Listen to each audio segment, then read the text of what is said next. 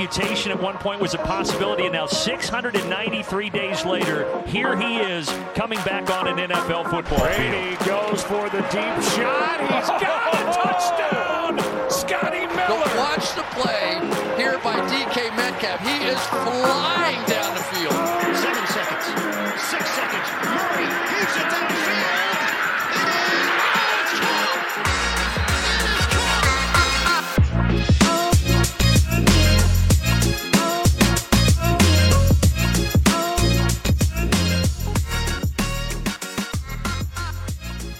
Welkom allemaal bij een nieuwe aflevering van de Sport Amerika NFL podcast. We zijn vandaag tweede kerstdag. Ik hoop dat jullie kerstdiners intussen min of meer verteerd zijn. Ik ga zo meteen dezelfde vraag doorsturen naar mijn twee gasten in de virtuele studio vandaag. En dat zijn Jurjan Ubachs Hey, hallo. en Mark Dorenbos. Hallo, hallo. Mark, het eh, kerstdiner, vertel eens, eh, is het verteerd intussen? We zijn twee dagen of misschien één dag later. Ja, in mijn geval zijn we één dag verder. Ik heb vandaag eh, gelukkig verder geen grootste plannen gehad, dus ik heb alle tijd gehad om het te verteren. En eh, kan jij intussen wandelen, Jurjan, of is het nog allemaal te veel?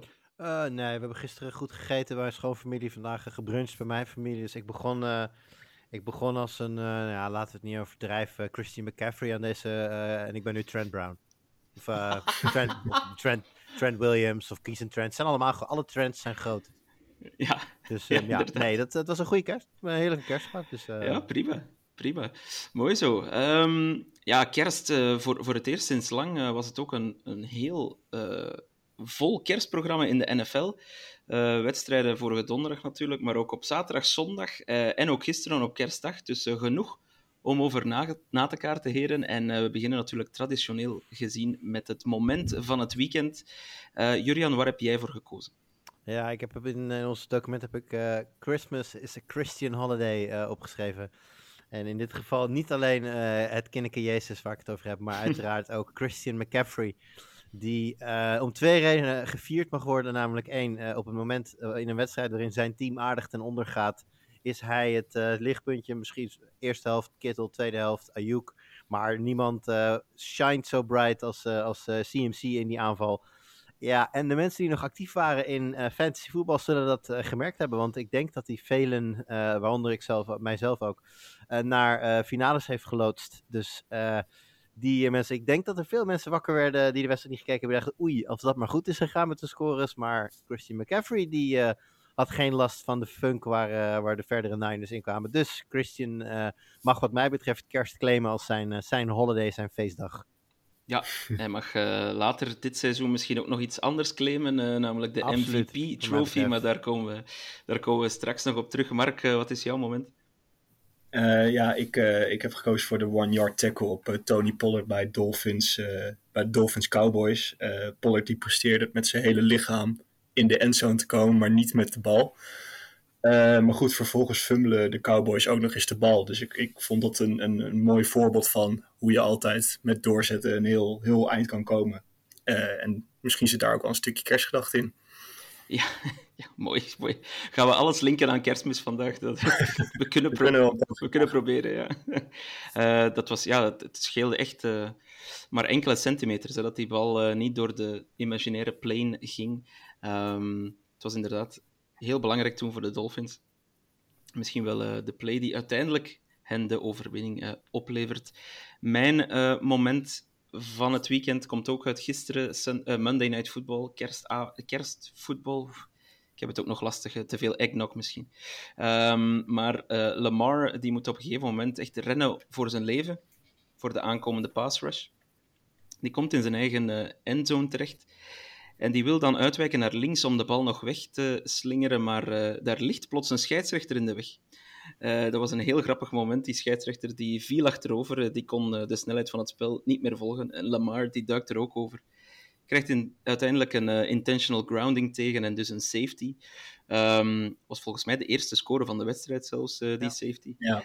Ehm, en ook in de herhaling, het gezicht van die scheidsrechter op het moment dat hij neergaat, is echt, is echt goud waard. Dus als je dat beeld eh, nog eens kan opzoeken, ik, ik raad het aan. Het ehm, heeft de Niners trouwens, eh, eh, sorry, de Ravens trouwens, niks in de weg gelegd in die wedstrijd. Want laat ons meteen doorpakken, Jurian, naar misschien wel de absolute topwedstrijd van het afgelopen kerstweekend. Ravens op bezoek bij de Niners. Wie gaf er een stuiver om de kansen van de Ravens, ondanks dat ze zelf de first seed waren in de AFC? Nu ja, uh, they flipped the script. Ze hebben echt de vloer ja. aangeveegd met de 49ers. Ja, ze gingen de wedstrijd natuurlijk in als underdog. En nou ja, je vraagt wie gelooft er in de kansen van, van de Ravens. Nou, dat waren de Ravens fans zelf dan zou je denken dat is logisch. Dat is niet per se waar, want de Ravens fans zijn, nou, degene, degene die ik ken, die houden er ook wel van om te wijzen op de tekortkoming van de Ravens. Maar hun, hun, hun punt is meer, wij laten het liggen tegen opponenten waar we het niet tegen moeten laten liggen. Maar maak je ons de underdog, breng je die uh, die dog mentality aan, ja, dan heb je een heel gevaarlijk team aan ons. En uh, ja, ik, ik, ik, kreeg te horen, nul twijfel, uh, altijd zeker dat ze het gingen winnen. Dus daar werd er in ieder geval goed in geloofd. Ik denk dat de rest van de NFL en de volgers ja, dat toch niet zo zagen. thuiswedstrijd voor de Niners ook nog. Niners die natuurlijk de afgelopen weken meerdere um, ja, duidelijke wins hebben neergezet tegen goede andere teams. gingen natuurlijk de wedstrijd in als favoriet. En het was natuurlijk ook de wedstrijd ja, van de twee voornaamste MVP-kandidaten, uh, in ieder geval voor dit weekend. Lamar Jackson aan de ene kant, Brock Purdy aan de andere kant. Ja, we kunnen wel zeggen dat een van die twee van de trein gedonderd is. En uh, ja, dat was uh, Brock Purdy, want die, hoe vaak vertelden we? Vier, vijf interceptions? Ja. Vier interceptions. En dan moet je nog zeggen dat er ook nog een bal die werd gedropt door de Ravens defensie, wat zeker de vijfde interception had kunnen zijn. Er zaten er ook twee bij die via handen van receivers kwamen. Van ik denk, nou, oké, dat hoeft je Purdy niet aan te rekenen. Maar goed, cijfers liegen uiteindelijk niet. Uh, en uh, ja, de totale implosie onder leiding van Brock Purdy. ik zei het al, met uitzondering dan van McCaffrey, die alsof het niets is, weer 100 yards op het bord zet en een touchdown pakt. Maar verder was het eigenlijk in alle opzichten niet goed genoeg aan de kant van, van de Niners. En ja, heel robuust, heel solide. Na die toch gekke start, waar je al aan refereerde net voor de, voor de Ravens ja, die toch zonder hun belangrijkste wapen op running back. J.K. Dobbins natuurlijk al uit voor het seizoen het hele jaar. Zonder hun belangrijkste wapen in de passing game. Mark Andrews die eraf ligt. Uh, Kyle Hamilton moest op een gegeven moment de wedstrijd verlaten met een blessure. Die is overigens oké. Okay. Harbaugh heeft al laten weten dat hij uit voorzorg aan de kant werd gehouden. Ook omdat ze op dat moment volgens mij 21 punten voorsprong hadden. Um, maar geeft aan dat de Ravens, als, als, voordat mensen wijzen op, op, op wellicht excuses aan de kant van van de, van de Niners. De Ravens natuurlijk ook niet op, op, volle sterkte, maar ja, staan op dit moment gewoon heel erg goed te spelen. Uh, ook als je de beelden van de, vanuit de kleedkamer bekijkt, dan zie ik een groep die lol heeft met elkaar, waar de, waar de sfeer er goed in zit. Dus ja, die lijken in alles klaar voor een, uh, voor een postseason run. En nou ja, wat, hoe beter dat te beginnen dan met statement wins tegen nu de Niners. En volgende ja. week misschien wel tegen de Miami voor de, beslissende, voor de beslissing in de race om de one. Ja, inderdaad. Dat zou wel eens uh, inderdaad de beslissende wedstrijd kunnen zijn voor de first seed in de, in de AFC. Komen we straks nog op terug. Maar inderdaad, yes. het, het duel uh, der quarterbacks uh, was heel eenzijdig gisteren, Mark. Um, Purdy, vier intercepties. En inderdaad, zoals Jurian zei, twee daarvan kan je aan pech toewijzen. Maar hij zag er over het algemeen gewoon helemaal niet goed uit. Als een hertje dat schrik had in de koplampen. Mark, hoe heb jij dat gezien? Ja, nou ja, ook zo. Uh, de Purdy heeft het gewoon de hele tijd lastig gehad. En dat, dat begon al vrij vroeg in de wedstrijd. Die eerste interceptie die hij gooit uh, in de red zone naar, naar Carl Hamilton. Dat zijn fouten die je eigenlijk niet moet maken. Uh, Carl Hamilton, dat is een safety die je altijd in de gaten moet hebben waar die staat, denk ik, als quarterback. en dat, daar ging het al vrij snel fout. Volgens mij was dat een eerste drive. En hij is daar daarna gewoon niet meer bovenop gekomen. Het, het, het, het, liep niet bij hem in ieder geval. Het liep eigenlijk helemaal niet bij de offense. Uh, dat gold eigenlijk ook voor de Ravens in het begin, vond ik. De eerste twee drives of zo. Was, was moeizaam, was een beetje onwennig. Maar uh, naast een hele sterke uh, Ravens defense begon de offense op een gegeven moment ook te lopen. en dat is toch wel knap als je kijkt naar dat je inderdaad J.K. Dobbins en Mark Andrews mist. ja, dat is knap en daar, daar kan je weinig op afdingen. Ja, ook uh, Keaton Mitchell trouwens, uh, de, de rookie die uh, echt wel aan het losbreken was, die is ook op IR voor de, voor de Ravens. Maakt het misschien nog indrukwekkender. En Jurian, het was voor mij vooral de pass rush die ontzettend sterk was gisteren. Ze, ze zetten zoveel druk op die anders toch wel goede O-line van, ja. de, van de 49ers. waar, waar ligt dat aan dat zij dat wel kunnen en dat bijvoorbeeld de Cowboys, die toch ook een heel goede pass rush hebben, dat die daar helemaal niet in slagen? Ja, vind ik lastig. Ehm, ik denk dat het ook scheming is. Ik denk dat het ook uh, de vorm van het moment is. Ehm, ook hoe, het, hoe de wedstrijd verloopt. Hè? Uh, de, de, de, Ravens. Kijk, als je heel eerlijk bent, dan waren de Ravens helemaal niet zo heel erg veel beter dan de, dan de, dan de Niners. Er zit alleen op een gegeven moment een hele gekke, ik geloof, 7 seconden in. Waarin de Ravens eigenlijk twee, uh, twee touchdowns, ja, ik wil niet zeggen cadeau krijgen, maar min of meer cadeau krijgen. Dat is een gigantische swing. Vanaf daar, uh, vanaf daar ja, is, er, is het ineens een uphill battle voor de Niners. Ja, en dan moeten zij ook meer gaan pasen. Dan kunnen ze minder vertrouwen op de running game. Dan, dan, dan is het dus ook makkelijker om druk op die passing te gaan zetten. Want je weet dat je de running lanes wat minder hoeft af te dekken ja, dus dat, ik, ik, ik vind dat daar zit ergens een domino verhaal in. Het is niet dat ik dan nu zeg van, oh, de Baltimore Ravens hebben sowieso betere pass rush dan de, dan, uh, dan de Cowboys. Ik denk dat dat absoluut niet waar is, maar gewoon gamescript, vorm van de dag, uh, ja, goed, dat, dat is bepalend op zo'n moment. Ja, ik denk wel dat het opvallend is dat, dat bepaalde spelers bij de Ravens, zoals bijvoorbeeld Jadavian Clowney, die, die speelt zijn beste voetbal dat hij in jaren heeft ja, gespeeld. beste wedstrijd van het seizoen voor hem sowieso ja, die, die was enorm sterk. Maar zo, ja, zo heeft hij al jaren niet uh, gespeeld eigenlijk, zoals hij dit seizoen speelt. Nee, klopt. En uh, ik wil toch ook nog even over de quarterback van de Ravens hebben, uh, Lamar Jackson. zijn langste ren van het seizoen, geloof ik, die je daar uit zijn schoenen schudt. Het ging dan nog niet eens zo heel snel, had ik de indruk. Maar, maar hij heeft toch een manier van bewegen die het voor verdedigers super lastig maakt om hem te pakken te krijgen. Um, hij is nu ook de favoriet voor de MVP-trophy. Trouwens, uh, Lamar, als ik dat goed zag, 17 uh, in 1 tegen NFC-teams in zijn carrière. 19 volgens mij. Of 19 zelfs. zelfs. Bizarre stad eigenlijk. Ja, um, de MVP-trophy, ligt die klaar voor Lamar? Is het his to lose? Lastig. Ik, als je het mij persoonlijk vraagt, zou ik ook zeggen dat Christian McCaffrey hem moet krijgen. Maar als de Ravens uh, de overige twee wedstrijden ook nog winnen en die worden de nummer one seed, dan, dan kan je er wel geld denk ik op inzetten dat hij uiteindelijk de MVP-trofee krijgt. Ja, sluit ik me bij aan. Ik uh, denk dat uh, bijna alle volgers wel vinden dat Christian McCaffrey een goede, een goede case heeft en er eigenlijk meer recht op heeft als je kijkt wat hij gebracht heeft vanuit zijn positie. Maar ja, we weten allemaal dat het een quarterback award is eigenlijk. En als Lamar nu geen fouten meer maakt richting het einde van de regular season, dan denk ik dat hij hem wel in de pocket heeft, ja. Ja, daarmee uh, beantwoord ook meteen de vraag van, van Jimmy. Als er geen enkele quarterback bovenuit steekt, en dat is eigenlijk nog altijd het geval, hè, moet de MVP dan niet gewoon naar iemand anders gaan. Maar wellicht volgende week Baltimore tegen Miami kan Lamar daar zijn trofee of zijn hand uitsteken naar die trofee. We kregen nog een andere vraag van onze collega Chris. Die gaat ook over Lamar. Jurian, ik ga hem aan jou doorspelen. Hoe zouden teams die van de zomer zeer luid toeterden dat ze Lamar niet wilden hebben, ik heb het over de Ravens, Falcons, Commanders, hoe zouden zij het dit jaar gedaan hebben mochten ze wel Lamar hebben binnengehaald?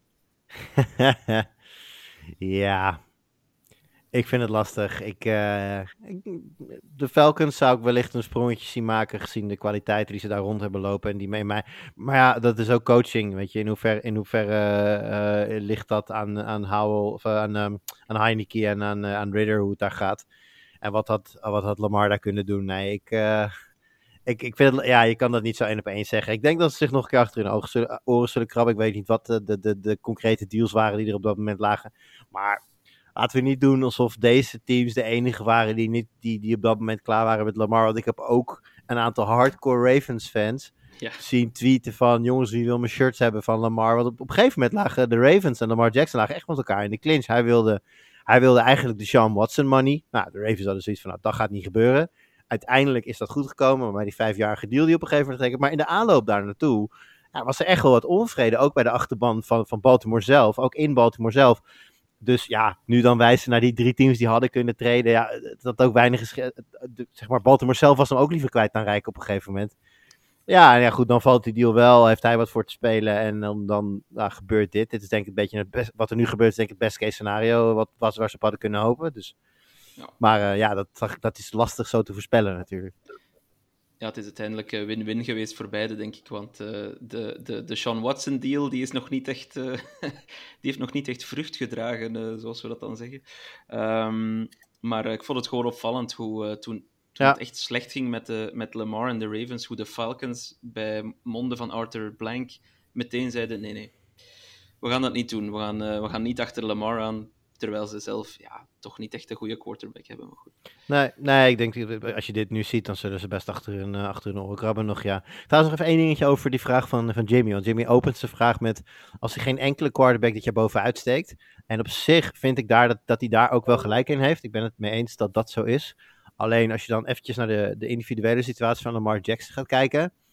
Dan vind ik het wel heel knap hoe hun passing game uh, ja, overeind blijft. Ook zonder Mark Andrews. Um, moet je ook zo eerlijk zijn om te zeggen dat Andrews, toen hij nog wel speelde, ook echt al een aantal wedstrijden had waar hij gewoon echt niet lekker op gang kwam. Dus je kunt een, een, aparte discussie voeren over hoe, zeer, hoe groot dat gemis nou uiteindelijk is. Maar ja, goed, weet je, de gevaarlijkste valt weg. En eigenlijk uh, neemt een, een, een, samenstelling van, nou nu dan voorop Say Flowers, maar daarachter dan Odell Beckham, Bateman, Aguilar, Isaiah Likely. Hij, hij doet eigenlijk wat Mahomes in voorbije jaren deed. Dat je nooit van tevoren wist welke speler zeg maar de 7 of 8 catches halen, maar bijna allemaal, elke wedstrijd in ieder geval twee of drie. En zo werd het een beetje van, ja, pick your poison. En dat zie ik nu een beetje bij Baltimore terug. En ik denk dat dat toch wel een flinke veer uh, op de tooi van, uh, van Lamar mag zijn. Dus in die zin, ja, springt hij er ver bovenuit? Nee, dat misschien niet. Maar ja, in hoeverre is het nodig? En hij doet wat, hij, wat, wat er op dit moment van hem gevraagd wordt. Dus dat, uh, veel meer kan je dan ook niet vragen, denk ik. Nee, dat klopt. Er zijn trouwens twee quarterbacks waar ik spontaan aan denk, die in de tweede helft van het seizoen echt wel fantastisch staan te spelen. Dat is Josh Allen, dat is misschien geen verrassing, maar uh, ik vind Matthew Stafford fenomenaal ja. aan het spelen. Ik zie hem zo graag bezig. Joe Flacco. ja, ja, maar die heeft een te kleine, die, die heeft niet genoeg wedstrijden gespeeld. Ik weet niet waar jij het nu over hebt, maar er is weinig te klein bij Joe Flacco. Dat kan ik, dat, dat kan ik je wel vertellen, denk ik. Die man heeft, hij is elite, hè? Ik bedoel, kunnen Dat is waar, dat is waar. Hij laat het zien, hij laat het zien. Daar komen, komen we sowieso nog op terug, op Joe Flacco. We, we kunnen hem niet uh, uit de weg gaan. Uh, hij is te groot in alles, uh, Jurian. Gaan we doorpakken naar um, een andere wedstrijd van gisteren, kerstdag. de Giants op bezoek bij de Eagles, altijd geladen. Een rivalry game in de NFC East. En Mark, de Eagles die hebben eindelijk hun losing streak van drie wedstrijden kunnen stoppen. Ze hebben met 33-25 gewonnen van de Giants. Ja, ja, zoals verwacht uh, waarschijnlijk ook wel. Maar uh, ik, ik heb de wedstrijd gekeken. Het, het, was niet overtuigend van de kant van de Eagles. Uh, ik denk dat ze de Giants veel te lang erin hielden. dat komt ook wel door gewoon een beetje door, door stom ongeluk. Zoals zo'n zo'n fumble die dan komt omdat twee Eagles op elkaar inlopen. Ja, dat kan een keer gebeuren, weet je wel. maar eigenlijk moet je deze Giants natuurlijk helemaal een dikke blowout winnen. En dat, dat gebeurde niet. Dus ondanks dat de Eagles volgens mij voor het eerst een drie potjes hebben gewonnen, ik kan me niet voorstellen dat er nou heel veel tevredenheid overheerst, zo met postseason voor de deur. Ja, ik, uh, ik, ik, schreef het ook in de voorbereiding. Um, kunnen we ze nu wel al vertrouwen, de Eagles? Want ik had ook de indruk dat ze echt niet veel uh, overschot hadden tegen deze Giants. Uh, maar... Nee, dat idee, dat idee had ik ook niet. Uh, de, de, Giants die waren in de tweede helft op een gegeven moment een gedeelte van de wedstrijd gewoon beter. Uh, ook met Tyrell Taylor die er toen in kwam. Want het, het, sprookje Tommy DeVito, dat, dat is nu denk ik ook wel weer voorbij.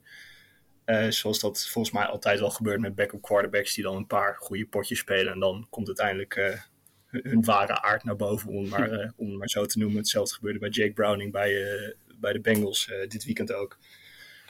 Maar ja, de, de, Giants die bleven er langer in dan, dan iedereen denk ik zou verwachten. En uh, voor hetzelfde geld als, als Darren Waller niet, uh, nou je hebt het hier opgeschreven, 40 minuten op de grond blijft liggen in die laatste drive. Uh, dan komen ze misschien nog wel toe in een laatste play. En ja, wie weet wat er dan gebeurt. Ja, ik, ik schrijf het op Mark, omdat je hebt de wedstrijd gezien. Denk je dat hij geblesseerd was? Of had hij het niet door dat ze geen timeouts meer hadden? Of daar, hij verliest misschien wel de wedstrijd daar voor de Giants. Ja, ik, ik had het idee dat hij gewoon even, de, de, even geen lucht had of zo, weet je wel. Hij kreeg een behoorlijke optater en ik denk dat hij daarom even blijft liggen. Ik had niet het idee dat hij gewoon totaal niet in de gaten had wat er gebeurde, zeg maar. Het was niet zoals, uh, wanneer was dat, vorig jaar of zo, met Deontay Johnson, die uh, uitgebreid ging juichen bij een first down en toen uh, ook veel te veel tijd verspeelde voor de Steelers. Ja, um, als je naar de Eagles kijkt, Mark, wie, wie was de MVP van deze wedstrijd? Op cijferbasis zou je DeAndre Swift zeggen, maar ik weet niet of dat ook echt zo was. lastig. Ja, Swift was wel goed. eh, Swift was wel goed gisteren. Hij eh, kwam ook tot touchdowns toe. Dat was ook een nieuw. Normaal wordt hij altijd gestopt bij de one-yard line. En dan eh, is het wachten op de push-push. Maar gisteren was hij goed. Ehm, ja, Jurian, de Eagles die komen nu samen met eh, de 49ers en ook de Lions trouwens op de eerste plaats terug van de NFC. Nu hebben de 49ers door, eh, door de onderlinge duels nog wel het voordeel. Maken ze nog kans op de first seed, denk je? Of, eh, want ze hebben wel een makkelijk schema. De Eagles. Ja. Ehm, ja, kijk, je maakt altijd kans. Ik bedoel, als de Niners iets laten liggen, dan, eh, dan hebben de Eagles goede kansen. De Eagles houden ook de, hebben de, ehm, de tiebreaker over de Lions op basis van hun strength of schedule. Dus als ze gelijk eindigen met de Lions, dan houden ze in ieder geval die plek wel vast. Ehm, dus dat geeft kansen, maar ja, ik, ik denk eerlijk gezegd niet dat San Francisco eh, dit gaat weggeven. Eh even kijken, heel snel kijken. Die krijgen nog Ed Washington en thuis tegen, ja, thuis tegen de Rams. Dat zou een hele sneaky bananenschil kunnen zijn voor de, voor de Niners. Maar eh, ja, Philadelphia zelf tegen Arizona en de Giants. Nou goed, die, die zouden dat inderdaad gewoon moeten winnen, moeten afsluiten. Maar nee, ik denk eerlijk gezegd dat de Niners thuis eh, in week 18 geen fout zullen maken tegen, tegen de Rams. En gewoon die, die first seed eh, binnen gaan halen. Dus in die zin verwacht ik eigenlijk dat de Eagles geen, geen kans meer maken op de 1. En als we dan een beetje verder kijken naar de playoffs eh, zelf. eh, Jimmy bijvoorbeeld bij ons, die lijkt nog altijd niet heel sterk te geloven in zijn Eagles, eh, ondanks deze zege. Hoe zie jij dat, Julian? Moeten we de Eagles... eh, Ja, is dit een, een, een soort, hoe zeggen ze dat in het, eh, in het Engels? Lipstick on a pig? Wauw, lipstick on a pig, die ken ik nog niet. Ehm, nou, dit is al een geluid dat je hoort van meer, eh, meer fans hoor, van, eh, van de Eagles. En ja, dan zeg ik van, joh, waar maak je je druk over? Je bent nog steeds gewoon gedeeld nummer 1 in de NFC. Maar dan zeggen ze, ze zeggen allemaal, er klopt iets niet. En ik begin daar wel een beetje in mee te gaan, langzamerhand. Eh zowel een defense, het defense verschil met vorig jaar, als je gaat kijken naar waar zij ranken in defense, welke statistiek je ook kijkt, ze zijn niet 20 10 plekken naar beneden. Ze zijn, niet, ze zijn 25 tot 28 plekken gedaald in heel veel categorieën. Ze zitten echt bij de bottom, bottom 6, bottom 8 van de, van de NFL in heel veel defensieve categorieën. Ja, en de Eagles die wij kenden, de succesvolle Eagles, was juist een team dat gebouwd was op een hele sterke defensieve backbone, waardoor de aanval die wel veel in zijn mars had, maar dat niet altijd per se hoefde te doen. En nu worden Hurts en, en, en team gewoon te vaak, te snel door te slechte teams eigenlijk gedwongen om, om, ja, om echt iets te laten zien. Ze, ze moeten wel. Ja, in die situatie was vorig jaar minder. Dus ja, ik snap wel dat je dan nerveus bent om eh, inderdaad andere goede teams te treffen. Nou, we hebben natuurlijk ook wel gezien dat ze, dat ze het echt wel moeilijk hebben nu. Dus ja, ik, eh, ben, ik ben het geneigd met eh, Jimmy eens te zijn als hij zegt dat de Eagles op dit moment zeker niet een van de favorieten voor de Super Bowl zijn. Ehm, misschien nog één vraag voor jou, Mark. Eh, je had het al even over Tommy DeVito en eh, Jake Browning. Het- is een eh, recurrent thema dit seizoen. Er komt een backup quarterback in die, die is een aantal weken lang is die, is die Patrick Mahomes op een of andere manier. We hebben Joshua Dobbs gehad, eh, Jake Browning bij jouw Bengals, nu Tommy DeVito. En dan gaat die kaars toch terug uit. Waar ligt dat aan, denk je, dat dat zo snel ja, komt, zo even snel gaat dan het weer komt? Eh, ja, wie- zal het zeggen? Ik, ik, ik denk dat het misschien wel te maken heeft met het feit dat als je, als je een paar potjes hebt gespeeld, dan is er meer tape. En op een gegeven moment dan kunnen defenses misschien ook gewoon beter inschatten wat jouw trucje is. En ja, je bent niks voor niks de backup quarterback. Dus eh, het verschil tussen een backup quarterback en een hele goede quarterback is natuurlijk dat als iemand jouw trucje door heeft, dan heb je niet heel veel andere dingen waar je mee aan de slag kan. En dan, dan wordt het al snel heel moeizaam. En dat, dat, nou, dat zag je dit weekend inderdaad bij, bij Browning en bij DeVito. En je zag het eerder al bij Joshua Dobbs. Eh, ja, zo gaan die dingen volgens mij gewoon. Ja, er is maar één eh, backup quarterback die het echt goed doet. Nou ja, afgelopen weekend eh, ook niet zo eh, meteen, maar eh, eh, Gardner Minshew, die, eh, die, blijft zijn job, eh, die blijft zijn job verdienen als, als backup. Nogmaals, Joe Flacco. Ja, klopt. Ja. Is volgende week zijn vierde week eh, afwachten of hij, ook, eh, of hij ook instort. Nee, maar Joe Flacco heeft eh, genoeg bewezen in het verleden natuurlijk. Super Bowl kampioen, lest we forget. Ehm, Alright, pakken we door naar de Chiefs. Die mochten de kerstdag openen en dat deden ze heel lelijk, Jurjan. de Chiefs verloren thuis van de Raiders met eh, 2014. En ehm, om even te schetsen eh, tegen welk soort team ze hebben verloren. De Raiders die konden na het eerste kwart, dus Aiden O'Connell, de quarterback, die heeft na het eerste kwart geen enkele paas meer eh, voltooid. Ja, ik, eh, ik eh, vergiste me trouwens net dat ik zei bij de Ravens dat er twee, twee, twee touchdowns in zeven seconden waren. Dat was hier, dat was bij de, bij de Chiefs inderdaad. Bij de Ravens, Ravens hadden er ook twee in een hele korte tijd. Maar dit was echt, eh, in, in de Chiefs game was het echt zeven seconden. Eerst een fumble die returned wordt voor een touchdown en daarna een pick six. waardoor de, de Raiders ja, eigenlijk geen verdere offense meer nodig hadden. Want ehm, ja, hun, hun meest effectieve quarterback was Mahomes eigenlijk. Dus... eh, ja, nee, dus, nee ja, we hebben het er al weken over. En ehm, we hebben het dan, zeggen we toch steeds, dit zijn niet de Chiefs van de laatste jaren, maar het blijven de Chiefs. Het blijft Mahomes, het blijft Kelsey, het blijft Andy Reid. We zien het wel goed komen. Het zit je, ze gaan de playoffs wel halen, maar nou ja, ze gaan de playoffs wel halen. Dat, ik denk mede dankzij eh, dat Denver laat liggen tegen, tegen New England. Ehm, maar jeetje, ik zou natuurlijk nu toch als, als Chiefs-fan zijn. Ja, ik bedoel, kijk, je hebt altijd zin in playoffs. Er zijn altijd nog meer teams die geen playoffs spelen. Dus in die zin, altijd fijn als je de playoffs haalt. Maar oei, oei, oei, oei, dit eh, moet toch wel even pijn doen bij, eh, bij de Chiefs. En dan ook nog eens, want ze speelden thuis ook nog, toch? Ja, Op, klopt. op Arrowhead. Ja, Ja, ja. en dan zo in je onderbroek gezet worden door eigenlijk je eigen offense.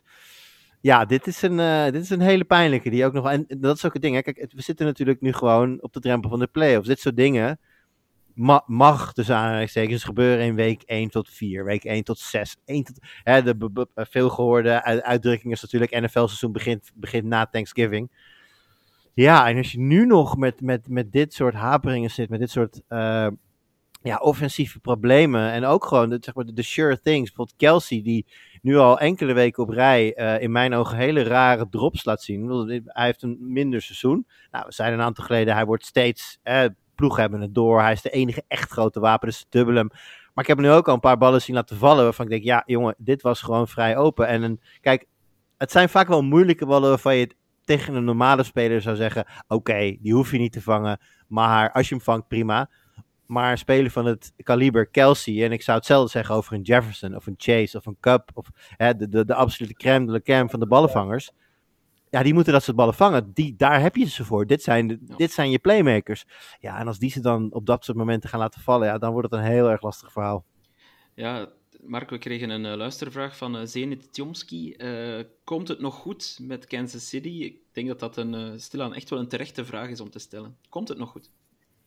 Ja, nou, dit jaar niet meer. Ik denk niet dat, eh, dat we daar eh, van uit moeten gaan. Volgens mij staan, staat Casey op dit moment eh, virtueel in de playoffs ook tegenover de Bills. En ja, de- dan zijn de Bills volgens mij gewoon favoriet, ondanks dat die eh, six seed zijn. Ik, ik zie dat dit jaar niet meer gebeuren met Casey. Daarvoor is het aanvallend, is het echt veel en veel en veel te moeizaam. Het was gisteren echt bij Vlagen, deed echt pijn aan de ogen. Ja. En dat heb bij Casey heb je eigenlijk al jaren niet meer gehad. Nee, inderdaad. En eh, nog belangrijker misschien, eh, voor het eerst in zijn carrière zal Patrick Mahomes on the road gaan eh, voor de playoffs. Zeer speciaal wordt dat. Julian, gaat dat iets veranderen aan, ja, ja, aan de situatie? Maar ik, ik ga misschien mijn vraag iets nuanceren, want bijvoorbeeld die touchdown op het eind dat Mahomes gooit, daar laat hij opnieuw zien wat voor quarterback hij is. Maar ja, de hulp rondom hem gaat niet meer veranderen natuurlijk. Dus of het nu thuis is of uit, maakt misschien niet zoveel verschil.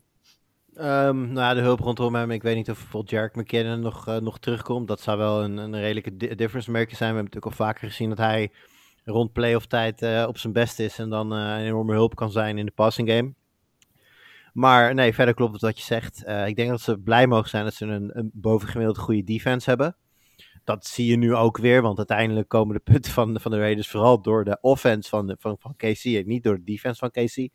Ehm, maar eh, ja, on the road gaat het verschil maken. Ik denk het wel. Eh, ik denk ook dat, kijk, eh, uiteindelijk is, de, is eh, de, de regerend kampioen, de, de, de, de, de dynasty in wording, of misschien zelfs al wel established dynasty, dynasty is altijd het, de prijs die je het liefst pakt in die zin. Is altijd de tegenstander die je het liefst verslaat. Dus als zij nou ja, volgens mij de, volgens de huidige picture zouden ze wel openen met een thuiswedstrijd. Namelijk de Bills die dan volgens de huidige stand op bezoek zouden gaan.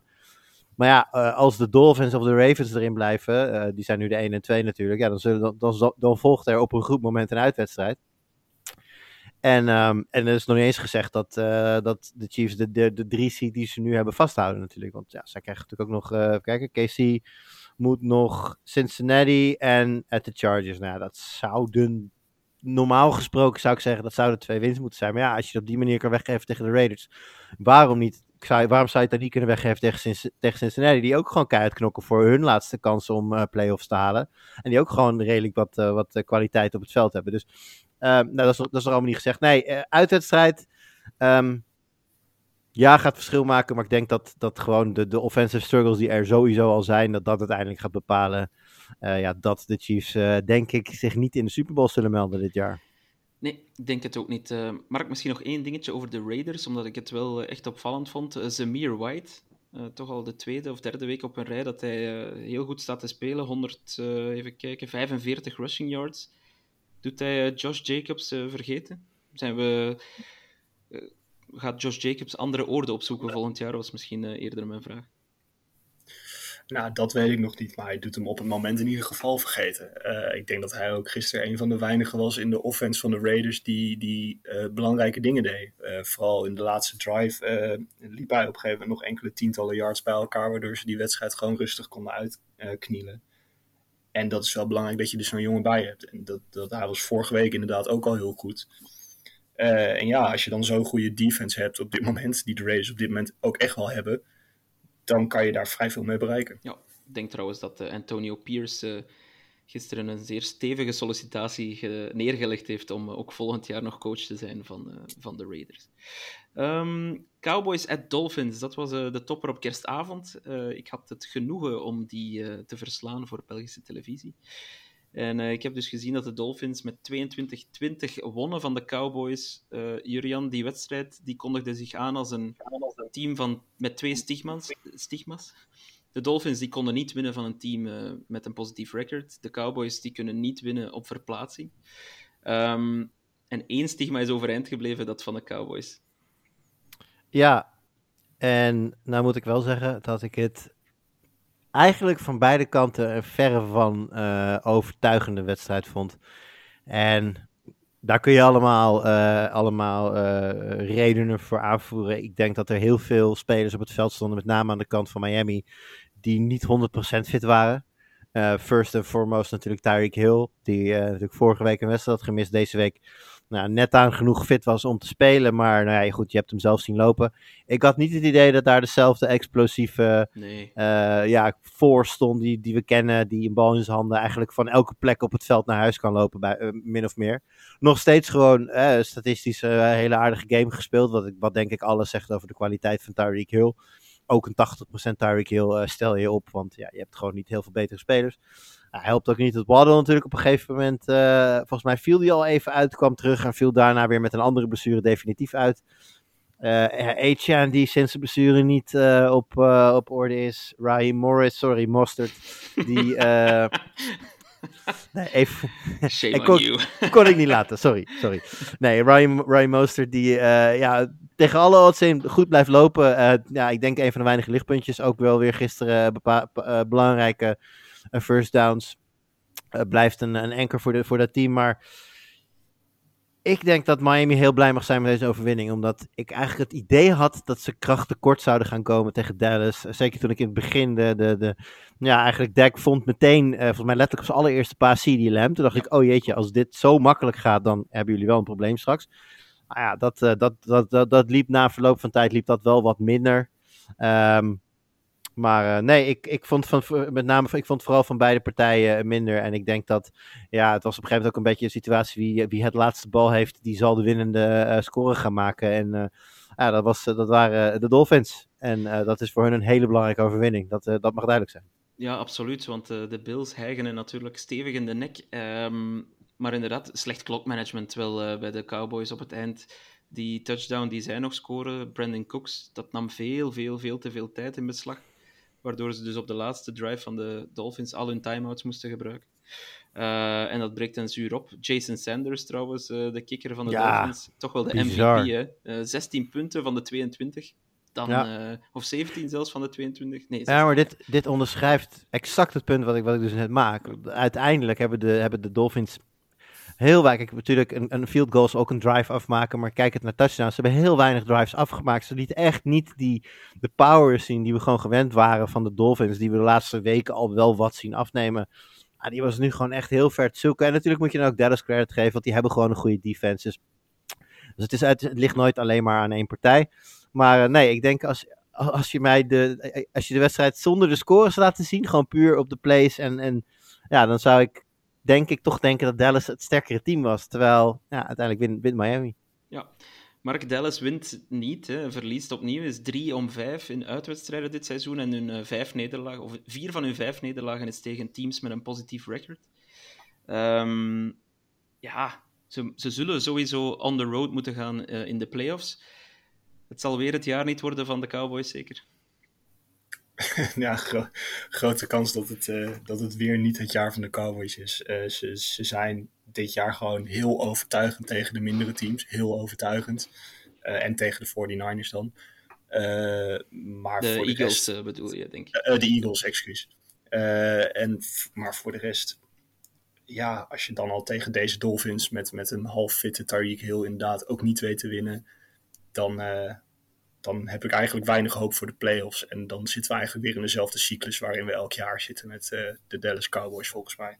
Ja, ik ga eens even kijken op welke seed ze nu staan. De vijfde seed. eh, dus dat wil zeggen tegen de Buccaneers op dit moment. Dat was vorig jaar volgens mij ook eh, de playoff game, hè, als ik me niet vergis. Ja, klopt. Ehm, ja, die, die kunnen ze misschien nog wel hebben, hè, de Buccaneers. Laat ons, laat ons hopen. Als ze daar niet voorbij geraken, dan hebben ze niks te zoeken in de playoffs, denk ik. eh. Ja, Julian, moeten de Dolphins de Bills nog vrezen eigenlijk? In week 18 staat dat Ja. duel ook nog eh, op het programma. En je zegt volmondig ja. Ja, ik, eh, nou ja, goed. Ik eh, denk dat, Mi- dat Miami moet winnen van Baltimore. Want ik denk dat ze als ze de Bills de kans geven om op de laatste speeldag met een win, ja, de, de, de, de AFC East. Kijk, de houder van de plek die de plek verliest is, is, is, is ehm, hoe zeg je dat?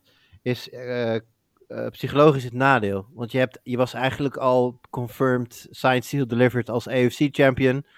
Ja, het stort in en uiteindelijk de laatste dag kun je hem nog verliezen. En dan val je wellicht ook nog redelijk ver terug in de seeding. Dus ja, voor de Bills is er in die zin niets te verliezen. Zij zullen die wedstrijd ingaan, eh, zeer waarschijnlijk geplaatst voor de playoffs. En hebben alles te winnen in die wedstrijd. Ja, ik denk dat Miami die niet wint. Dus dan betekent het dat je, als je je plek wil houden, dan moet je winnen van Baltimore. Ja, en dat is natuurlijk eh, uit in Baltimore. Eh, laten we dat niet vergeten. Eh, is lastig. Maar het enige, enige wat Miami wel helpt, is dat hun laatste wedstrijd wel thuis is tegen, tegen de Bills. Maar ik denk als ze niet van Baltimore winnen, dan winnen ze ook niet van de Bills. Ja, want ik denk zelfs ehm, dat ze, doordat ze hun eerste confrontatie verloren hebben van de Bills, dat, dat ze sowieso beide wedstrijden nog moeten... Ah nee, dat klopt niet. Ja, ze kunnen natuurlijk gewoon de laatste week nog winnen van, eh, van de Bills en dan zijn ze ook eh, eerste. Ja, maar je hebt gelijk. Ik denk eh, qua momentum, qua momentum zal het cruciaal zijn om te winnen van, van de Ravens, denk ik, volgende week. Wat een schedule nog voor de Dolphins. een aardige gauntlet waar ze door Ja, nee, zeker. En het- het is nu nog een, een redelijk veilige twee games. Maar inderdaad, hè, omdat je, wat, je, wat je aanhaalt, die, die, die eerste wedstrijd, die doet er natuurlijk wel degelijk toe. Want dat betekent dat, ja, als de Bills hem winnen, hebben ze sowieso de tiebreaker. Hoef je niet naar de score te kijken, dat staat sowieso niet. Maar goed, ze hebben natuurlijk de eerste wedstrijd gewonnen. Dus als ze die tweede ook winnen, ja, dan heb je hoe dan ook de tiebreaker. Ja, dus dat betekent dat je ze niet gelijk mag laten komen. En dat, eh, ja, die, ik hoop voor ons, voor de neutrale kijker, dat dat eh, pas op de laatste wedstrijd inderdaad beslist wordt. Want dat wordt wel een, eh, als het inderdaad zo is dat als de Bills hem, hem zelf mogen verdienen op bezoek bij Miami, dan wordt dat wel een wedstrijd. Ja, absoluut, absoluut. Ik denk week 18 op verschillende vlakken wordt het nog eh, heel, heel interessant. eh. Alright, Mark, de Detroit Lions gaan we ook nog even bespreken. We moeten ze bespreken, want Ja. eh, voor het eerst in 30 jaar, Mark, eh, winnen ze nog een keer hun divisie. De NFC North bestond toen zelfs nog niet. Eh, maar een, eh, ik bestond toen ook nog niet. eh, ja, Jij bestond ook nog niet. Dat is mooi. Dat is mooi. Ehm, maar de Lions die, die wonnen op bezoek bij de Vikings 30-24. En uh, ja, ze winnen de NFC North en uh, gaan als thuisploeg naar de playoffs. Vertel eens. Ja, prachtig toch? Uh, het is al wel vaker gezegd, maar deze Detroit Lions hebben volgens mij een enorm hoge gunfactor. En uh, dat ze dan nu de divisie winnen en de playoffs halen en daar zelfs nog een thuiswedstrijd mee ophalen, dat, dat is fantastisch. en dat gun ik ze ook eigenlijk alleen maar. Ik denk dat het ook verdiend is. ik denk niet dat, dat de Lions zich kunnen meten met de, de Niners en Cowboys en Eagles van deze wereld. Maar het is wel mooi dat ze dit halen en dat, ze, dat ziet er goed uit. En volgens mij op het moment is het playoff plaatje nu zelfs zo dat ze tegen de Rams moeten. En dat betekent Matthew Stafford in Detroit tegen de Lions. Dus dat, ja, dat is een sprookjesboek dat wacht om geschreven te worden volgens mij. Ja, ik ben heel even aan het kijken. Uh, ze zijn de tweede seed natuurlijk. Moeten zij dan niet tegen de Seahawks? Enfin, dat, uh, dat moeten we nog even afwachten. Maar uh, ja, laten we hopen voor de storylines dat inderdaad gewoon Stafford op bezoek mag gaan bij de Lions. Um, ja, op, op, dit moment is het zo dat de Seahawks de safe seed zijn die tegen de Eagles zouden moeten. En inderdaad, op dit moment zijn de Rams de 6 die naar de 3 moeten. Dat zijn de Lions. Dus op dit moment is het Rams Lions. Oké, okay, oké, okay, nice, nice. de Lions, Julian, die. Um, die blazen wat warm en koud. Uh, maken wel ook nog altijd kans op de one seed trouwens. Um, maar ja, velen hebben al gezegd dat, uh, ja, dat ze al blij mogen zijn dat ze in de playoffs staan. Is dat zo? Is, is hun seizoen eigenlijk nu al geslaagd of uh, willen ze er toch gewoon meer? Um, nou, ik denk dat, dat, dat het met name is de NFC Noord winnen.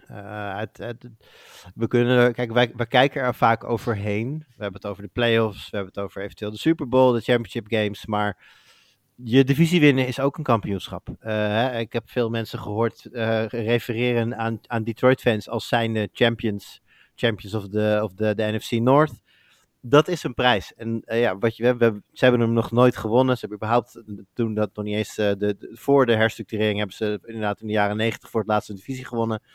Dus dat is in die zin, ja, geen enkele Detroit-medewerker of speler zal dit, zal dit met me eens zijn. Maar in die zin is hun seizoen daarom geslaagd. Niet omdat ze uh, play-offs. Een wildcard had een ander verhaal geweest. Gewoon hun, divisie winnen, dat is denk ik een, een mijlpaal voor dit team.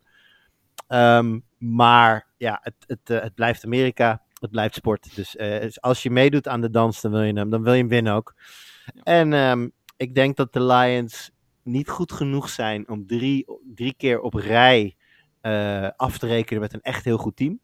Ik denk wel dat zij goed genoeg zijn om op een goede dag, uh, straks in de divisional round of in de wildcard round, um, ja, een, een, een beter team toch uh, ja, eruit te knikkeren. Gewoon omdat ze de wapens hebben, omdat het ja, op, elk, op elke op een goede dag gewoon heel erg goed kan lopen daar.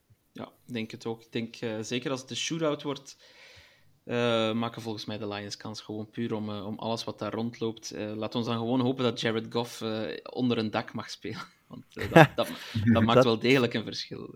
Dat is zeker waar. Nou ja, wat is het op dit moment? nou, zou die in, in eerste instantie zou hij thuis spelen natuurlijk. Ja, als het daarna, als het daarna at Eagles wordt, at Niners dat je goed weer, dat, dat wil ook nog wel oké okay zijn als het niet te koud wordt in de Bay Area. Maar uh, at Eagles, dat uh, wordt een lastig verhaal, ben ik bang. Dat denk ik ook. Daar is het te koud voor, uh, voor Jared. um, nog één dingetje over Justin Jefferson, Mark. Die lijkt helemaal terug. Ik zag een fantastische highlight tussen twee verdedigers in. ah, weer een, catch, een, ja. een crazy bal. Had ook 141 yards en een touchdown. Hij is terug in de league, Justin Jefferson, dat mag ik wel zeggen nu. Ja, ah, hij is weer terug. Ja, uh, Jurjan had het net al over, over receivers die speciale ballen kunnen vangen. De, de Chases en inderdaad de Jeffersons van deze wereld. En Jefferson die, die laat het meerdere keren per seizoen zien dat hij ballen vangt die denk ik bijna niemand anders in de, nou, in de wereld bijna zou kunnen vangen. En dat maakt hem zo'n zo'n enorm wapen voor de Vikings. Uh, en ze hebben hem ook wel echt nodig de komende jaren als ze toch nog een stapje extra willen zetten. Ja. Maar het zou wel helpen als de quarterback dan niet Nick Mullins heet, natuurlijk. Ja, en, uh, uh, ja het, het, dat brengt ook wel meteen op. Je vraagt je toch af waar deze Vikings zouden staan als Kirk Cousins fit was gebleven. Dan hadden ze er wel een stukje beter voor gestaan. Ja, dat denk ik ook. Dat denk ik ook. En ik blijf erbij dat ze Dobbs hadden moeten laten staan. Maar goed, dat... Dat gaan we niet de, meer zien, helaas. De um, Vikings hebben overigens nog volgens de geleerden uh, 25% kans om de playoffs te halen. En het scenario is nog wel zo, volgens mij, dat eh, ze krijgen nog eh, Green Bay thuis en daarna at Detroit. Eh, dat als ze die wedstrijden allebei winnen, dat ze volgens mij sowieso in zijn. Dus eh, in die zin hebben ze nog steeds eh, hun, hun lot in, eh, in eigen handen. Moeten ze alleen wel eh, beide komende wedstrijden winnen. Ja, en op dat vlak is het eh, goed nieuws dan, denk ik, dat de Lions die NFC North al binnen hebben. Wie weet rusten zij dan hun, eh hun Er is starters. kans dat eh, hun record er in de week 18 niet meer toe doet. En Ja. dat ze inderdaad starters zouden kunnen gaan rusten tegen Minnesota. Alright. Ehm, ja, toch een team in de AFC dat we zeker ook moeten bespreken. Ze maken trouwens ook nog kans op de first seed in de AFC. De Cleveland Browns, jawel. Ehm, en Joe Flacco, Jurian. Eh, ik, ga, ik ga hem maar meteen vernoemen. Joe Flacco Oh, voor het eerst in zijn carrière. De man is 38 jaar intussen, maar voor het eerst in zijn carrière drie opeenvolgende wedstrijden met meer dan 300 passing yards. Ehm, op een dag vind je de job van je leven, dat is blijkbaar eh, quarterback van de Browns. Ehm, ja, hij, hij voerde een eh, enorme show op samen met, eh laten we niet vergeten, Amari Cooper. 11 catches, 265 yards. Alsjeblieft. Ja, nou ja, ik refereerde natuurlijk net al eventjes aan Christian McCaffrey met fantasy voetbal. Waar heel veel mensen blij van, van worden, worden vaak ook heel veel mensen verdrietig. En Amari Cooper heeft meer dan een van mijn, eh, van mijn teams eh, naar het kerkhof gebracht afgelopen weekend. Dus nee, het was een show voor the ages. Afhankelijk van je puntentelling in fantasy voetbal had hij 46 punten of tot 52 punten of iets dergelijks. En voor de wedstrijd, ja, de beslissende factor. De man ving alles, stond continu vrij, gaf... bescheiden als hij is, gaf hij na de wedstrijd ook aan dat hij uncoverable is. Dus eh, ja, dus eh, het- hij zegt: Ik ben niet te dekken en het gaat om kansen krijgen. Gelukkig kreeg ik vandaag veel kansen. Eh, dus ik kon laten zien wat ik kan. Dus bij deze noted, hij is uncoverable. Ja, Ja, dan wordt het dus een makkelijk spel. ja. Schijnbaar. Volgens, volgens mij, ehm, Mark heeft een wide receiver van jouw team iets gelijkaardigs gezegd eh, eerder dit jaar. Eh ene Jamar Chase, volgens mij. Eh, of dat hij altijd always open open. staat. I'm always bleeping open. 7-11. Ja. ja, maar het is trouwens eh, franchise record eh, 265 yards voor eh, Amari, Amari Cooper op, op 11 catches. Dus een franchise record voor de Browns. Ja, zeer impressive. Ehm, ook wel de juiste tegenstander op dit moment, denk ik. Ik denk als we een week of vier terug in de tijd zouden gaan en we kijken naar deze matchup, dan zeggen we Stroud en Tank Dell en Nico Collins gaan afrekenen met, met deze Browns. Nou ja, Stroud speelde nog niet, zit nog steeds in het concussion protocol. Tank Dell natuurlijk uit voor de season. En Nico Collins was dan wel weer active. eh, deed het goed, maar ja, goed. Backup quarterback, ja, het, het blijft behelpen. Eh, En tegen deze, tegen deze Browns defense ook. ja, ook nog eh bovengemiddeld goede defense. Wat dat betreft moet je denk ik misschien nog je hoed afnemen voor wat de Texans uiteindelijk met alle persoonlijke, personele problemen nog steeds wel laten zien tegen deze Browns. Want uiteindelijk, nou ja, het bleef het een wedstrijd, vind ik wel erg veel eer. Maar eh, ze, ze bleven in ieder geval binnen zich. Het was geen eh, Miami-Denver-achtig eh, scenario. Ja. Ja. ja, en het goede nieuws voor de Texans is natuurlijk dat hun, hun concurrentie net zo hard instort als dat zij zelf aan het doen zijn momenteel. Wat natuurlijk hoop biedt, want ja, als Stroud na deze, na deze week, dus aankomend weekend, wel van de concussion protocol of het concussion mag, mag afkomen, ja, dan, hebben, dan heeft Houston gewoon nog kans om toch nog de playoffs te halen. Ja, je maakt eh, een ideaal brugje, Julian, naar de volgende wedstrijd. Jaguars at Buccaneers. Dat is de laatste die ik nog kort wou bespreken, omdat we het hebben over een eh, leider in de divisie die verloor, kansloos, echt kansloos verloor van een andere divisieleider, de Tampa Bay Buccaneers. Ze moesten niet ver reizen, maar ze hebben wel, ja, het zal met schaamrood, schaamrood op de wangen op de bus of het vliegtuig geweest zijn. Ehm, de Buccaneers wonnen 30-12 en Trevor Lawrence die viel opnieuw geblesseerd uit. Ditmaal was het zijn schouder. Ze weten nog niet of hij kan spelen volgende week. De Jaguars, eh, vier keer op een rij verloren. Eh, komt, komt dit nog goed? Halen ze die divisie nog binnen? Het, eh, het lijkt er steeds slechter uit te zien. Ik ben er heel bang voor. En ja, dat uiteindelijk de, de status van Trevor Lawrence zal daarin, zal daarin bepalend zijn. Het helpt wel dat ze nu nog Carolina en daarna Tennessee krijgen. Bedoel, Dat is natuurlijk niet iets waar je echt heel bang voor, voor te zijn. Dus in die zin zouden ze die twee wins wel zelf in de hand moeten hebben. Ehm, maar ehm, ja, nee, het, het zou me ook niet verbazen als ze, als ze er toch eentje op de een of andere manier verliezen. En eh, ja, dan de Colts of de Texans zijn voorbij streven. Want eh, er staan drie ploegen daar in die divisie natuurlijk gelijk op 8 en 7. Eh, Jaguars op basis van de tiebreakers hebben die eerste plek dan nog wel in handen. Maar de Colts en de Texans zitten daar vlak achter. Dus ja, het is nog niet gezegd dat zij er zijn. Nee, inderdaad. Ehm, Mark, nog uh, één bloemetje toewerpen ook aan de quarterback van hun tegenstander, uh, Baker Mayfield. Stefan uh, vroeger ook een, stelde er ook een luistervraag over. Moeten de Buccaneers Baker Mayfield een nieuw contract aanbieden? Um, hij speelde wel goed en eigenlijk doet hij het al heel het seizoen boven gemiddeld, Baker Mayfield. Hij, speelt beter dan denk ik iedereen had verwacht. en het loopt bij vlagen best wel aardig bij de Bucks. Dus ja, uh, van tevoren waren er misschien wel verwachtingen dat de Bucks een vrij hoge draft pick zouden krijgen. En ja, misschien haal je dan een nieuwe quarterback. Dat zit er dan nu niet in. Dus ja, waarom zou je dan Baker Mayfield niet een nieuw contract geven als dit zo wel werkt. Want ja, nou ja, we zien het uh, week in week uit in de NFL. Uh, een goede quarterback, die vind je ook niet uh, op elke straathoek. Dus als dit werkt en je kan hem een beetje een gunstig contract geven, door hij zal vast geen 30 miljoen per jaar gaan eisen, ga ik vanuit. Ja, dan zou ik er gewoon voor gaan om hem nog een keer een contract te geven. Ja, ik denk dat Baker zijn plekje gevonden heeft. En mocht ik van de Buccaneers zijn op de plek waar ze nu zitten, ik zou ook gewoon met hem doorgaan. Ze moeten nog tegen de Saints en de Panthers. Ik denk dat het er heel goed uitziet om uh, de NFC South te ja, winnen. Ja, mogen ze niet meer uit handen geven. Overigens is dit wel, dit is wel de typische Baker Mayfield valkuil waar wij nu hier in trappen. Hè? er, is een, er is een fameus plaatje met een soort van uh, The Circle of Baker.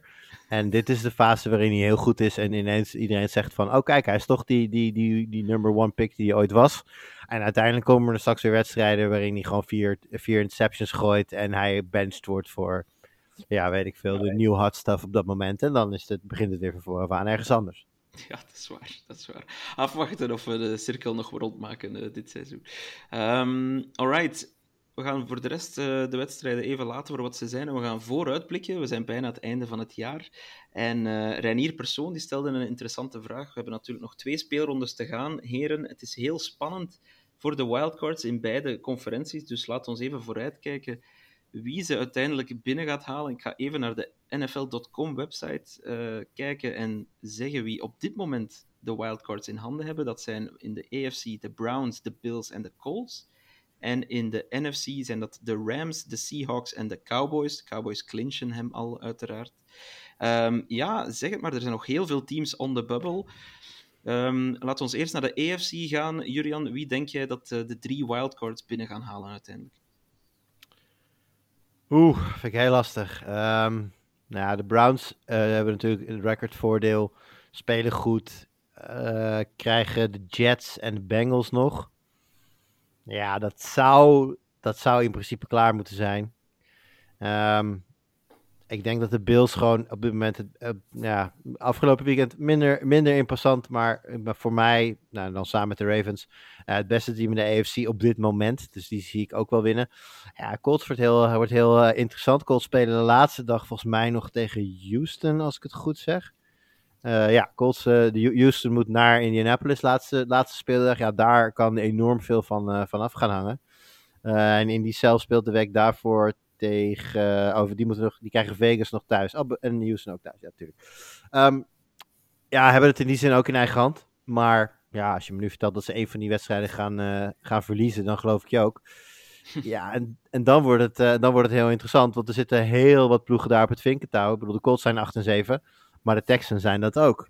Uh, en die staan dan nu dan net, net erbuiten. Net als de Steelers, zijn ook 8 en 7. Net als de Bengals, die zijn ook 8 en 7.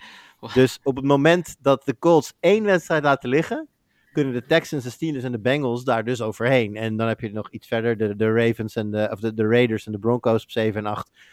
Ja, zijn technisch nog levend. Ik denk niet dat die nog echt een realistische kans hebben.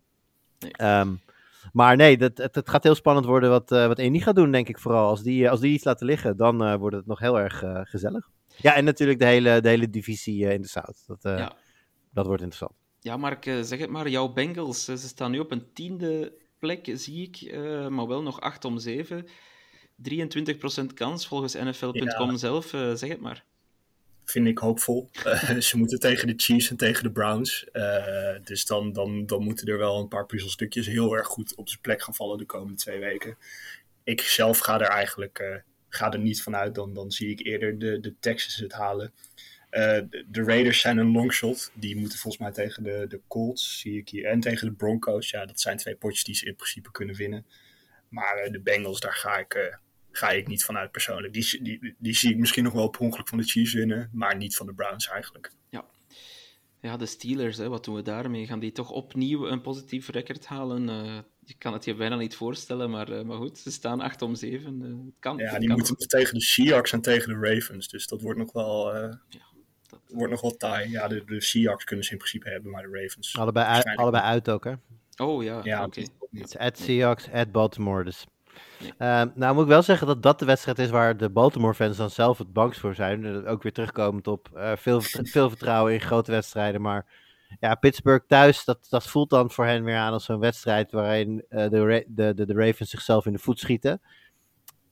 En ik moet ze daar gelijk in geven. De Ravens hebben daar een handje van. Het zijn juist de wedstrijden waarvan je van tevoren denkt: dit gaan de Ravens oprollen. Dat zijn de wedstrijden waarin gekke dingen gebeuren. En op de een of andere manier een, een losse. Dit, dit geldt voor de eerste wedstrijd die ze speelden tegen de Steelers dit seizoen. Dit geldt voor. eh, nou ja, de Titans wonnen ze dan wel. Maar maken ze zichzelf ook enorm moeilijk. Ehm, dus ja, als er kansen liggen voor de Steelers, dan denk ik dat het eerder tegen, gek genoeg eerder tegen Baltimore is dan tegen de Seahawks. Stel je voor. Ehm, aan de NFC-kant dan, eh laat ons daar over twee wildcards spreken. Want ja, de Cowboys of de Eagles die hebben een wildcard eigenlijk al binnen. Het zullen wel de Cowboys zijn. Dus eh, op dit moment Rams en Seahawks zijn erin. Eh on the bubble, en daar is wel een beetje een verschil. Alleszins één game hebben we nog de Vikings, de Falcons en de Packers en de Saints met eh 7 om 8. We hebben ook nog met eh, minder dan 1% kans de Bears, maar laat ons daar even niet van uitgaan dat die eh, nog meedoen. Dus eh, Mark, ja, zeg het maar, de Vikings, de Falcons, wie weet, kunnen ze het nog? De Packers? Ik zit nu even te kijken naar Vikings remaining schedule. Ja, Packers en Lions kunnen ze winnen. De Lions zeker ook, als die in week 18 eh, hun starters kunnen gaan rusten.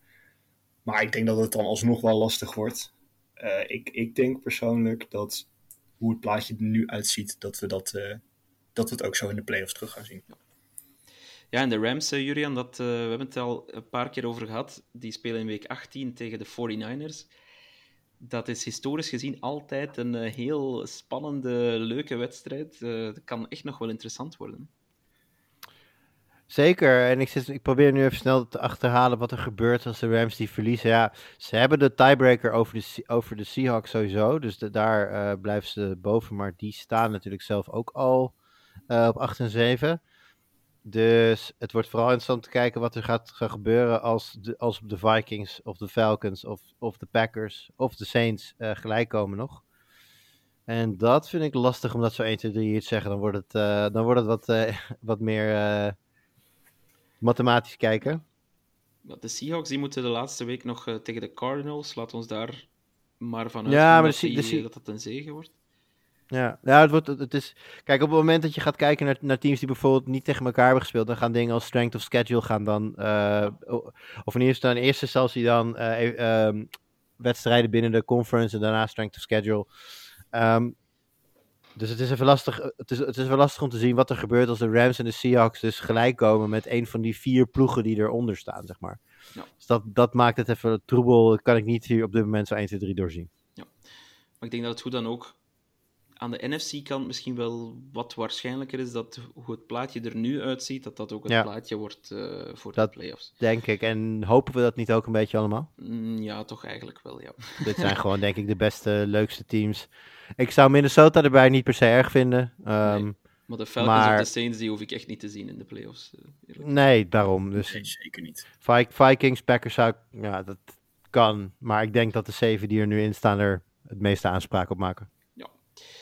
Alright, ehm, ja, heren, nog een laatste dingetje. Volgende keer dat we op antenne komen, dan zal het al 2024 zijn. ehm, want eh, volgende maandag, als ik het goed heb, eh, begint het nieuwe jaar.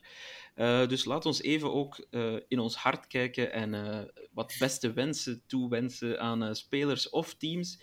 Mark, wat wens jij jouw team, jouw favoriete team, dat zijn de Bengals, en eventueel een speler toe? Wat wens je ze toe voor het nieuwe jaar? Wat ik mijn Bengals toewens, dat is eh, dat ze Jamar Chase het contract geven dat hij verdient. Hij is, eh, hij is volgend jaar eligible voor een, eh, voor een extension. En de kans is vrij groot dat we de laatste wedstrijden van T. Higgins in een Bengals jersey aan het zien zijn. Die zal wel ergens anders een dikke zak geld op gaan halen om wide receiver nummer 1 te worden. En dat is op zich prima, maar dat betekent wel dat je iemand als Jamar Chase, die, die moet je dan bij je houden. Duo Burrow-Chase, dat is nog steeds als mits ze fit zijn, is dat een duo waar weinig tegenop kan. Uh, dus dat uh, lijkt me een uitstekend voornemen voor de Bengals uh, voor het aankomende offseason in 2024. En voor de speler dan nog apart bij ja, Christian McCaffrey, dat hij de, de MVP-trofee ophaalt, waarvan wij volgens mij alle drie wel zeggen dat hij die zeker wel verdient. Ja, absoluut. Het zou de eerste keer sinds 2012 zijn, sinds Adrian Peterson, dat een niet-quarterback nog eens de ja, MVP laat het een beetje gerechtigheid zijn voor uh, Cooper Cup, die hem twee jaar geleden absoluut, niet kreeg. Absoluut. Maar die kreeg toen de Super Bowl MVP. Dat is een mooie, mooie troostprijs. Ja, dat mooie. Ja. um, T. Higgins trouwens, denk ik, een uh, grote kandidaat voor onze Patriots, uh, Jurian, volgend seizoen. Um, Vind ik lastig. wat, wat wens jij de Patriots toe, Jurian? Uh, get your shit together and fire everybody. Nee, ja, um, ik denk dat er. Uh, kijk, gelukkig hebben we gezien dat er wat hoop gloort op, uh, op defense. Uh, zeker als Judon en Gonzalez terugkomen, dan staat daar echt wel een goede defense. Dat is waar New England fans ook aan gewend zijn, wat je mag verwachten en wat waarschijnlijk goed zit. En er is een gigantisch probleem op offense. Ik denk dat daar iets. Ik denk dat je echt iets rigoureus anders moet gaan doen. Kijken of je iemand uit de vermaarde Shanahan coaching tree kunt krijgen als offensive coordinator of zo. Want ja, wat er nu staat, dat er nu op. Ik denk dat, uh, ik denk dat we uh, Mac Jones niet meer terug gaan zien in, uh, in New England. We hooguit als, als, als backup.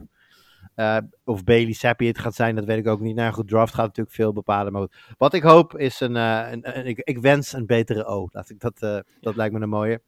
En ja, een speler. Um, uh, er zijn een aantal mensen die hier, uh, die hier uh, hoog komen voor mij. En ik denk dat ik er twee wil noemen. En dat zijn Cam Akers en J.K. Dobbins. Twee running backs die al meerdere lange, zware blessures hebben gehad. zich terug hebben gevochten. En ja, weer opnieuw lang zwaar geblesseerd zijn geraakt. En ik, ja, ik heb te doen met de jongens. Ik vind dat dat het zwaar. Een, ja, ik heb, blessure kan gebeuren. Uh, dat is helaas in de NFL. De realiteit zien we de laatste weken ook veelvuldig helaas. Maar dat soort scenario's langer uit, dan terug, meteen weer langer uit. Ja, dat vind ik dat, dat toch altijd extra pijn. Dus ik wens de jongens een, een, een goed herstel en een, hopelijk een terugkeer in de NFL. En dat ze dan ook eens een keer een, een heel seizoen fit mogen blijven. En ook eens een keer in die top 5, top 10 uh, rankings van RB's zouden kunnen komen. Yes. Nu je dat zegt, uh, moet ik meteen ook aan een uh, speler denken. Uh, ik had eerst Justin Herbert opgeschreven. Ik, ik, wens hem toe dat hij een functioneel team krijgt en een coach die weet wat hij doet. Want zijn talent, Fire everybody! Dat, ja, dat geldt voor de Chargers zeker ook. maar ik moet spontaan ook aan Tyrod Taylor denken nu. Um, een speler die ik verguisd heb in het verleden. Maar kijk, ik ga mijn hart openen voor Tyrod Taylor in het nieuwe jaar. Uh, omdat die, die man heeft toch al zoveel pech gehad. Die letterlijk, een dokter die letterlijk zijn long doorprikt, waardoor hij zijn uh, startende baan verliest uh, bij de Chargers. Nu ook bij de Giants verliest hij zijn baan aan Tommy DeVito. Tommy Effin DeVito. omdat hij zijn rib breekt, als ik dat goed heb. Um, maar hij liet toch gewoon zien dat hij een uh, meer dan capabele backup quarterback is. Dus ik wens Tyrod Taylor uh, op zijn minst een job als backup quarterback toe in 2024. Uh, Brian Dable heeft trouwens Des gevraagd, ja, niet, nog niet durven of willen aangeven wie de starting quarterback van de, van de Giants is aankomend weekend. Dus er is zomaar een kans dat jouw geliefde Tyrod Taylor gewoon under center staat bij de Giants aankomend weekend. Dat kan. Misschien moet ik een jersey van hem kopen uh, om alles goed te maken wat er fout is gelopen tussen mij en Tyrod uh, in Alright, heren, bedankt. Uh, onze kerstspecial, als we dat zo mogen noemen, die zit erop. tweede kerstdag loopt bijna te einde. ik ga nog wat restjes van het afgelopen weekend opeten zometeen. ik weet niet wat jullie gaan doen, maar ik weet wel dat we komend eindejaarsweekend alvast weer een heel vol NFL-schema krijgen. Dus dat is iets om naar uit te kijken. En sowieso horen we elkaar dan volgende week in het nieuwe jaar 2024 terug. Bedankt en tot volgende keer.